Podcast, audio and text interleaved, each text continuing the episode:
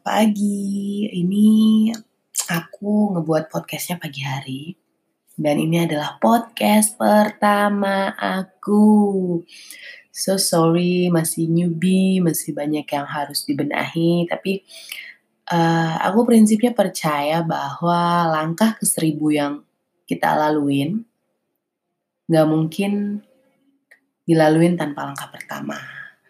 Jadi ya walaupun masih banyak kurangnya, podcast ini pengen aku buat. Um, doakan semoga bisa continuous, rutin gitu ya. Terus bisa berbagi pengalaman. Walaupun sebenarnya banyak loh teman-teman yang pengalamannya itu lebih mumpuni daripada aku. Aku juga buat podcast ini bukan karena aku merasa lebih hebat, lebih wow, lebih something, tapi aku pengen berbagi aja, pengen cerita, pengen uh, men-share apa yang sudah aku alamin beberapa hari ini ke belakang, beberapa tahun lalu. Dan semoga sih harapan aku tuh teman-teman bisa bisa bisa apa ya, bisa mendapatkan paling enggak something yang baik dari podcast ini. Oke, kita ngobrol santai sih sebenarnya. Aku hari ini pengen cerita tentang yang yang paling aku banggain dalam hidup aku yaitu aku punya dua orang anak sebenarnya lahirnya sekali karena mereka kembar. Namanya Abigail uh, cewek dan Ignacio cowok. Uh, banyak orang bilang ih lu hebat banget ya anak lu sekali lahir kembar dua sepasang gitu. Sebenarnya kalau kita flashback mundur uh, gua sama suami gua kita nggak punya keturunan kembar. Kata orang kan kembar itu turunan, kembar itu punya silsilah dari uh, nenek moyang, kakek, nenek, mama, papa kita atau keluarga kita yang punya gen kembar. Uh, itu bisa terjadi juga ke kita kita. Tapi pada saat hamil tiga bulan, jadi uh, aku merit itu September 2017 uh, Oktober bulan depannya aku masih menstruasi dan November tuh mulai itu ancur ngaco tuh. Aku nggak mens tapi aku ya udahlah uh, biarin aja. Desember aku mulai mual-mual, aku cek di situ ternyata aku sudah empat minggu. Nah, aku taunya kembar sama suami aku tuh pas akhir Januari. Jadi uh, dokter yang bilang tuh ini ada dua kantong bu katanya gitu. Wah dua kantong gue kagak ngerti kan apaan dua kantong dokter? Gitu. Ya ini kembar. Masa sih? Gitu kan. Ya pokoknya kita di situ kayak diskusinya agak agak sengit karena dari pihak gue sama suami gue sendiri itu ya memang kita nggak punya nggak punya uh, background keturunan kembar dari kedua belah pihak. Akhirnya kita lakukan tes lebih detail lagi dan memang ternyata benar anak kita tuh kembar happy, sebenarnya happy, happy. Bayangin bahwa anak kembar gitu sekali lahir dua. Ya, pada saat itu happy cuma memang kaget shock ya. Wow gitu karena kita pada saat itu memang prepare-nya all-nya itu hanya untuk satu anak gitu. Bukan tidak bersyukur tapi ya itulah namanya namanya manusia itu kadang ada yang uh, apa namanya ada yang happy-nya berlebihan, ada yang kagetnya berlebihan, ada yang ada yang shocknya berlebihan dan gue sama suami gue saat itu adalah lebih ke arah shock karena ya itu kita basicnya kita prepare itu untuk satu anak dan kita sendiri sama-sama tahu di kota besar kayak Jakarta gitu punya dua anak dalam waktu yang berbarengan itu lumayan ya Oke lah, kita udah uh, kita udah udah nggak usah ngebahas itu. Tapi yang pengen gue share di podcast kali ini adalah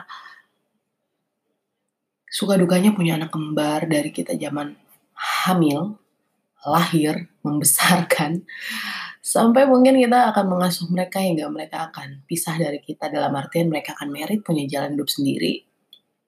Jadi pada saat gue tahu gue anak gue kembar di di di akhir Januari, oke okay, gue langsung kontak mak gue. Dan mak gue juga sama guys. Mereka juga kaget shock. Ah, masa sih? Udah deh cari second opinion aja gitu kata mak gue. Iya mah ini emang, emang kembar aku bilang gitu kan akhirnya uh, kita lewatin dan tahu nggak punya anak kembar itu jauh lebih jauh lebih setengah mampus lah bahasanya karena mualnya dua kali lipat. Berat badannya naiknya ancur-ancuran. Dan makannya itu aduh ya ampun. Basicnya gue udah gemuk gue udah gemuk ya. Gue gue nikah itu badan gue tuh antara 6, 68 70 kilo lah pokoknya. Gemuk gitu padat gitu kan. Ditambah gue hamil lagi anak kembar dan pada saat gue mau lahiran di di di week ketiga enam nanti gue cerita kenapa gue bisa lahir ke week tiga enam itu berat badan gue 113 kilo guys bayangin. Happy dinikmatin dan ya gitu deh. Dan yang paling gue pengen bukan yang pengen sih yang paling gue inget memorable banget pada saat gue hamil itu adalah gue bersyukur anak-anak gue kuat. Jadi pada saat gue hamil uh, gue ke kantor tuh naik KRL KRL itu kayak kalau di Jakarta di, di Singapura itu ya kereta gitu kereta listrik. Dan KRL di Jakarta tidak seramah KRL di luar negeri. KRL di Jakarta itu anarkis, satu gerbong yang misalnya cuma bisa, misalnya nih, cuma bisa 50 orang, dia bisa masuk tuh sampai 250 orang. Jadi teman-teman bisa bayangin betapa sesaknya dan membawa perut segede bagong kayak gitu ke dalam kereta tuh aduh. Aduh, itu 9 bulan tuh bayangin 9 bulan nggak ada akomodasi lain yang gue naikin selain kereta karena suami gue juga kerjanya jauh gitu nggak nggak searah sama gue kan setelah turun kereta gue naik ojek coy. Gue uh, apa ojek online. Jadi betapa gue sama anak-anak gue tuh berjuang banget gitu loh. Terus uh, pekerjaan gue saat itu adalah pekerjaan yang memang harus memaksakan untuk standby kapan saja. Karena gue berhubungan sama sales ya. Jadi sales butuh apa gue harus standby. Kadang jam kerja kita nganggur kadang jam week kadang hari weekend itu malah kita lagi padat-padatnya gitu. Jadi benar-benar hidup itu aduh naik turun banget pada saat itu. Dan yang lucu gue sempat tuh waktu gue hamil gue sampai tiga kali ganti dokter. Pertama jadi gini namanya orang pertama entah itu hamil nikah punya anak atau apa apa pasti udik ya norak gitu ya. Sama kayak gue. Gue datang pertama pas gue tahu gue udah mual-mual udah muntah-muntah gak gue datang pertama ke rumah sakit yang terkenal dengan uh, label rumah sakit ibu dan anaknya di Depok saat itu. Dan guys namanya gue orang baru, pengalaman baru, gue nggak tahu bahwa mengantri di rumah sakit ibu dan anak yang khusus ibu dan anak yang memang SPOG-nya jauh lebih banyak daripada spesialis lainnya itu itu ngantrinya luar biasa capek. Dan gue kan ya namanya ibu baru baru hamil. Gue searching dong dokter terbaik di rumah sakit ini dapatlah namanya si A pas gue submit gue datengin gue daftar ulang Ya Allah, buset. Itu nunggunya ya ampun, serasa gue pengen beranak. Detik itu lama banget. Udah gitu kita udah udah udah antrian kesekian puluh, kita masuk bukannya kita dapat bahagia happy, kita bisa curhat bilang enggak, dia cuma datang ngecek biasa tuh USG standar lah. Oh sehat bu, beratnya sekian, ukuran kepala sekian, panjangnya sekian. That's it nggak ada something yang membuat kita tuh lebih mungkin karena kita keluarga baru, uh, ibu baru, hamil baru. Apa kek lu ngomong gitu, gue udah bayar mahal buat lu gitu. Ya mungkin pola makan atau mungkin uh, uh, lu nggak boleh gini-gini atau ini hamil baru ya, jadi gini-gini gini. Jadi karena kan kita yang namanya orang baru tuh kita butuh banyak masukan, sesuatu yang baru tuh kita kita butuh uh, insight baru, kita butuh pengalaman dari yang senior. Dan ternyata dokter pertama gue di rumah sakit yang berlabel ibu dan anak itu nggak bisa memprovide itu. Dan gue capek nunggu untuk ngantri dia. Oke, okay, bye. Tiga bulan gue bareng sama dia tuh dari gue nol eh, dari gue empat minggu sampai uh, awal Februari tuh cukup gue bilang. Akhirnya gue cari lagi tuh sosokan. Uh, pertama dokter cewek kan, yang kedua gue cari dokter yang senior banget. Gue pikir semakin senior semakin semakin ngomong gitu ya. Hei, emang dokter tuh cocok-cocokan teman. Jadi lu cocok sama A belum tentu lu cocok sama B. Yang ada pada saat gue di dokter kedua yang senior itu gue kok ngerasa gue gue lagi ngobrol sama opa gue sama, sama orang orang tua banget yang lebih kaku yang aduh nggak deh nggak deh udah udah cukup cukup udah. Gue tuh banyak yang pengen gue curhatin pada saat masa pertama gue hamil gitu kan. Entah boleh boleh tidur menghadap kiri menghadap kanan aja tuh gue galau gitu kan. Nah itu lah akhirnya setelah di dokter kedua uh, ini kebetulan. Jadi gue waktu itu pada saat gue hamil gue tuh hamilnya kuat. Ada tuh istilahnya hamil kebo sama hamil yang lemas-lemas nggak jelas gitu lah yang dikit sakit dikit sakit dikit impus dikit impus kalau gue ya puji Tuhan haleluya alhamdulillah gitu gue naik ke KRL nggak apa-apa naik gojek nggak apa-apa lompat-lompat nggak apa-apa padahal anak gue dua. Jadi gue istilahnya kata temen-temen gue tuh hamil kebo gitu. Akhirnya gue eh, selama hamil tuh doyan banget nge-mall. Tiap minggu tuh gue nge-mall gitu. Sama laki gue gue jajan ini jajan namanya namanya ya hamil pertama guys. Apa aja gue jajan apa yang gue mau gue ambil aja gitu kan. Baju lucu dikit gue nggak mikir harga tuh. Padahal kan gue bukan orang kaya banget gitu maksudnya. Ya gue cuma karyawan lagi gue cuma karyawan. Ya that's it gitu kan ambil aja apa yang gue rasa lucu. Ini lucu nih. Udah ngambil kalap mata. Nah akhirnya pada saat gue ke mall itu gue ketemu sama teman lama gue ih gila Chris perut lu gendut banget gitu umur berapa? Iya nih empat empat mau lima. Oh, ngobrol lah seperti biasa nanyain kembar bla bla bla bla. Akhirnya dia suggest ke gue ke seorang dokter yang ada di daerah Menteng.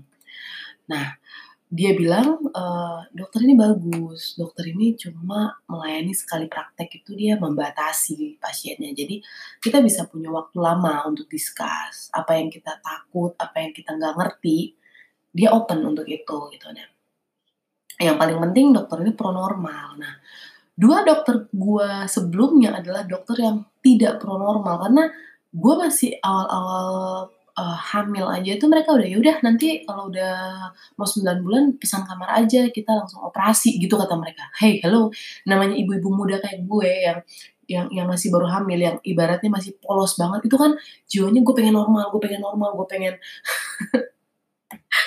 gue pengen apa namanya? Uh, segala segala hal gue lakuin entah itu uh, yoga lah, entah itu segala macam gue lakuin yang penting gue bisa normal yang namanya masih baru ya. Kita nggak tahu kan ya ada preeklamsia lah ada apalah yang membuat kita nggak bisa normal gitu. Kita belum tahu saat itu. Dan dua dokter sebelum gue itu nggak pro normal guys. Dan gue gue kecil hati dong maksudnya. Ya elah kok gini sih? Gitu. Akhirnya pada saat teman gue yang di mall gue ketemu itu ngomong ini bisa loh normal dia tuh pro normal. Gue udah normal nih sama dia nih walaupun gue pertamanya sesar uh hati gue langsung berkebar apa apa? Berbakar-bakar gitu terbakar gitu lah guys ya. Akhirnya rumah gue di Depok dengan perjuangan dan semangat 45 gue kontrol sebulan sekali sampai ke Menteng bayangin. Menteng itu Jakarta Pusat mungkin ya bagi yang teman-teman bukan di Jakarta Jabodetabek. Depok itu di bawahnya Jakarta Selatan. Jadi lu bayangin gue dari Depok Jakarta Selatan baru gue ke Jakarta Pusat gitu. Oh my god serem banget sih emang Nah, rumah sakitnya kecil, bukan rumah sakit hebat yang terkenal kayak sebut saja A, I, U, E, O itu, tapi tapi nyaman gitu. Jadi ya, ya itulah gue pengen chat ke lu orang bahwa setiap kita tuh punya punya punya tingkatan kecocokan berbeda-beda. Ada yang cocok sama dokter cakep. ada yang cocok sama dokter yang cewek atau cowok gitu kan ada ada. Teman gue tuh ada tuh. Gue nggak mau sama dokter cowok gitu. Ya terserah lu sih tapi maksudnya kalau gue sih yang penting visi misi gue itu bisa di cover sama dia gitu. Visi misi gue saat itu adalah gue pengen lahir normal gue pengen ngobrol banyak dan dokter ini bisa gitu. Jadi gue nyaman dan lu bayangin aja guys. Gue selalu dari Depok ke Menteng hanya untuk kontrol gitu kan tapi ya basicnya dokter ini bagus sih. Gue senang banget dia. Banyak masukan-masukan banyak ilmu yang bisa gue gue dapat dari dia. Walaupun pembawaannya itu tenang. Dia nggak nggak nggak ribut nggak nggak nggak nggak berisik. Tapi gue dateng say hello lalalala terus kita ya normalnya ya USG dulu. Dan USG dia tuh lama guys. Bukan seperti dokter-dokter dua dokter dua kemarin. Yang cuma cak cak cak cak cak, kelar print. Udah dia tuh bisa sampai ngeprint USG gue tuh sampai 12 gitu. Saking detailnya dia. Terus gue tuh sama laki gue kalau dia udah mulai lain aduh dia ada ada apa ya ada apa ya gitu. Oh nggak apa-apa. Makannya tambahin. Ini anaknya kurang gemuk yang satu. Gitu gitu oh oke okay, oke okay, oke okay, oke makanya ini ini ini ini uh, dokter kadang gue gue gue kadang juga iseng. Dokter ini saya perlu booking kamar nggak? Loh kan kalau normal nggak tahu kapan lahirnya. Ngapain booking kamar? Katanya gitu. Jadi gue gue gue happy gitu. Oh berarti dia dia nggak nggak nggak suruh gue untuk melakukan operasi gitu ya. Oke okay lah sih. Lucu menyenangkan hamil itu hal yang pengen gue ulang lagi sebenarnya. Cuma kenapa gue bilang ini pertama dan terakhir karena ya itulah gue juga berpikir realistis bahwa zaman sekarang uh, statement punya banyak anak adalah banyak rezeki itu tidak tidak lagi tidak lagi inline ya tidak lagi tidak real lagi lah. Karena ya zaman sekarang ya sekolah aja kita udah tahu harganya luar biasa gitu kan. Zaman sekarang lahiran juga kalau kita lahir di rumah sakit khusus ibu dan anak berbeda banget gitu dengan harganya dengan yang zaman-zaman dulu kayak gitu. Sekarang apa-apa memang duit, duit, dan duit. Dan itu yang membuat gue sama suami gue udah oke okay, cukup, puji Tuhan, haleluya, alhamdulillah. Kita punya anak kembar yang sepasang, jadi kelaminnya udah lengkap. Kita nggak usah nyari kelamin lagi gitu kan. Cewek cowok udah ada, Tuhan udah kasih. Udah cukup lah gitu.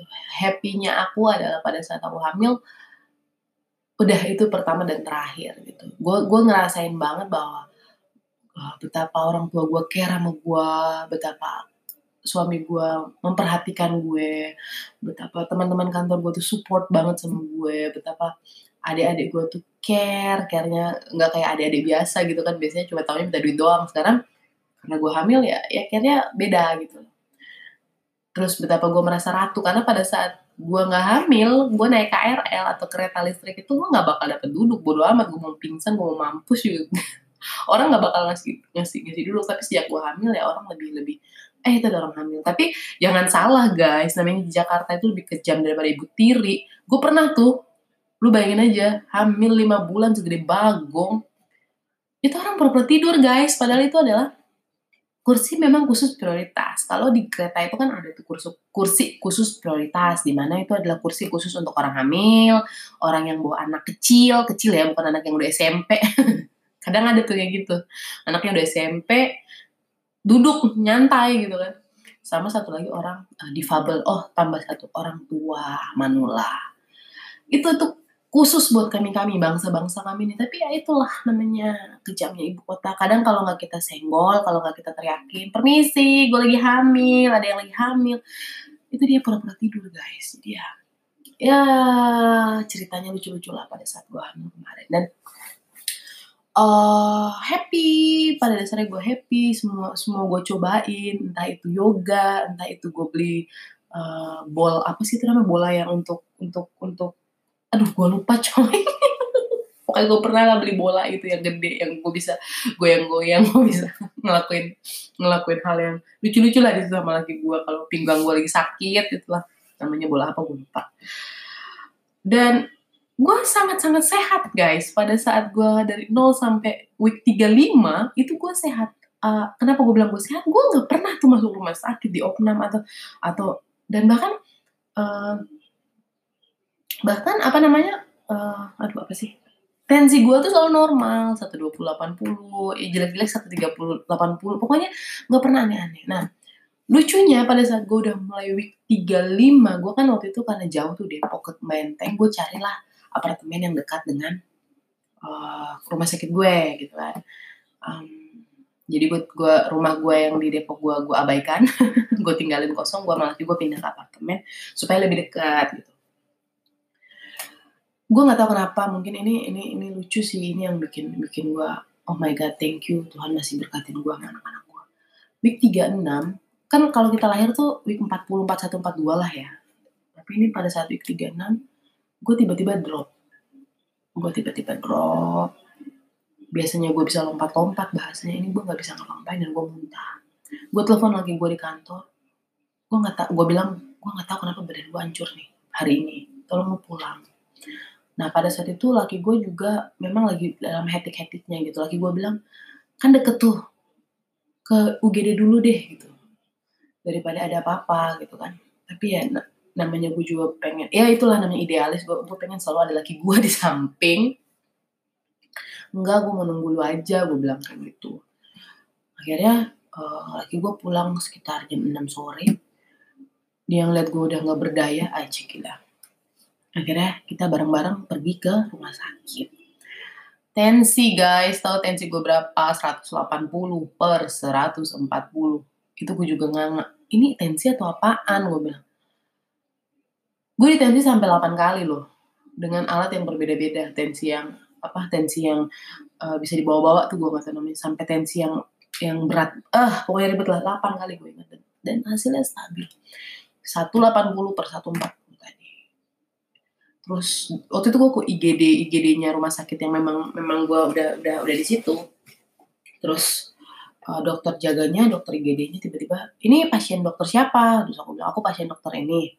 Akhirnya dokter gue ditelepon uh, gue dimasukin infus. Nggak tahu deh itu isinya infus apa uh, yang gue sedih adalah dokter jaga itu geleng-geleng kepala panik mukanya tuh nggak bisa nggak bisa santai pada saat gue datang mukanya santai. Pada saat megang gue tuh mukanya hancur banget gitu. Laki gue juga panik lah.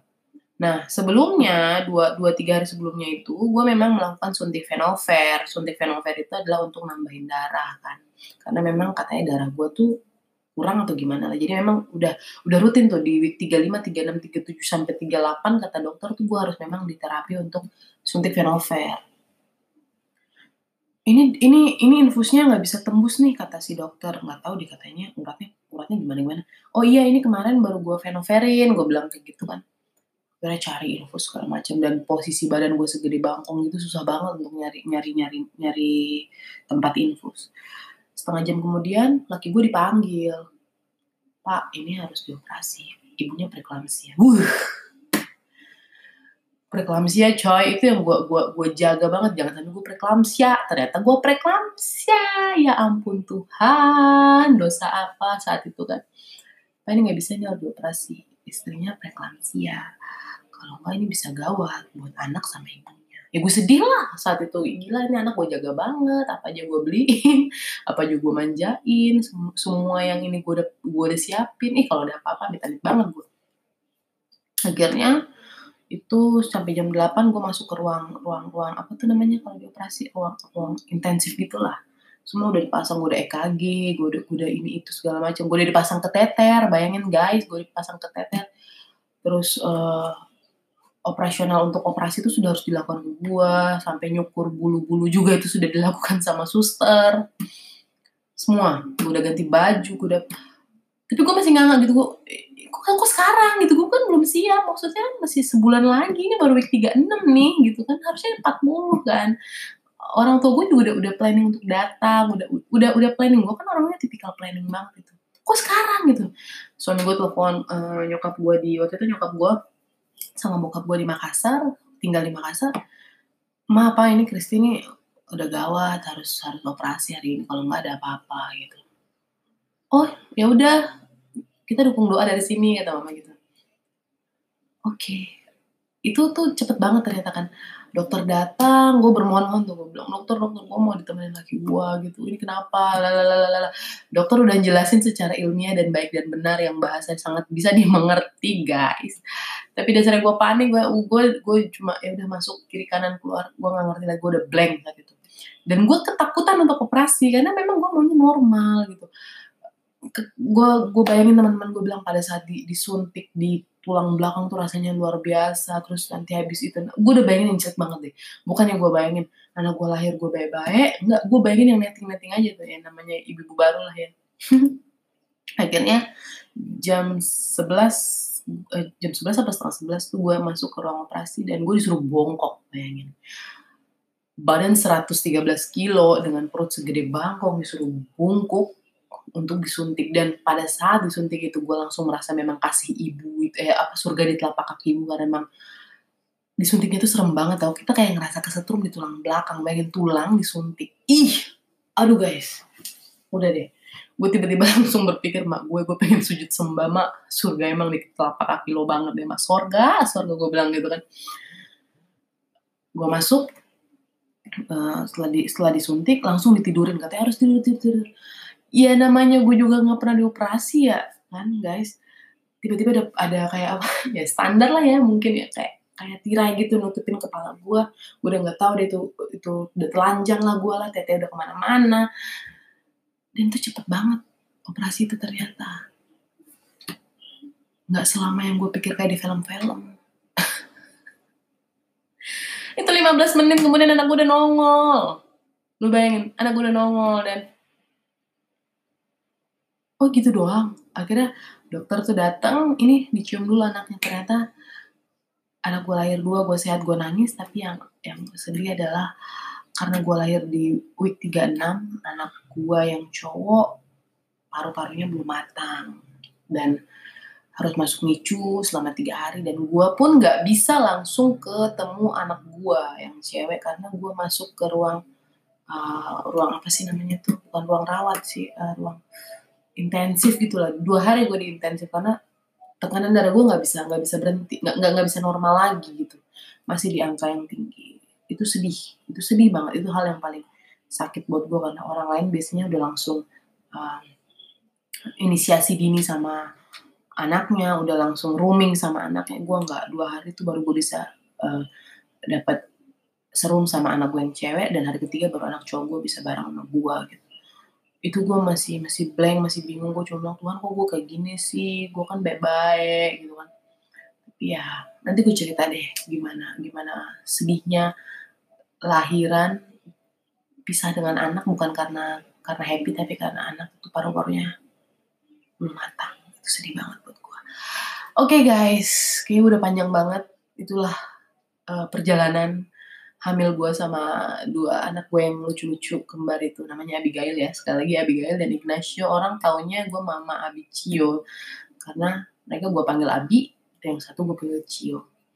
Beda sih mereka berdua tuh satu kayak kutub utara satu kayak kutub selatan. Tapi nanti deh kita bahas itu sesinya lain lagi. Karena panjang anak-anak gue tuh aduh kelakuannya ya ampun. Ngangenin tahu mereka thank you udah mau meluangkan waktu kalian mendengar podcast gue yang mungkin receh ini. Tapi gue berusaha untuk setiap episodenya ada peningkatan lah. Oke okay ya? Thank you thank you thank you thank you. Tetap dukung tetap tetap support gue karena gue senang ngobrol sih pada dasarnya. Oke? Okay? Selamat pagi.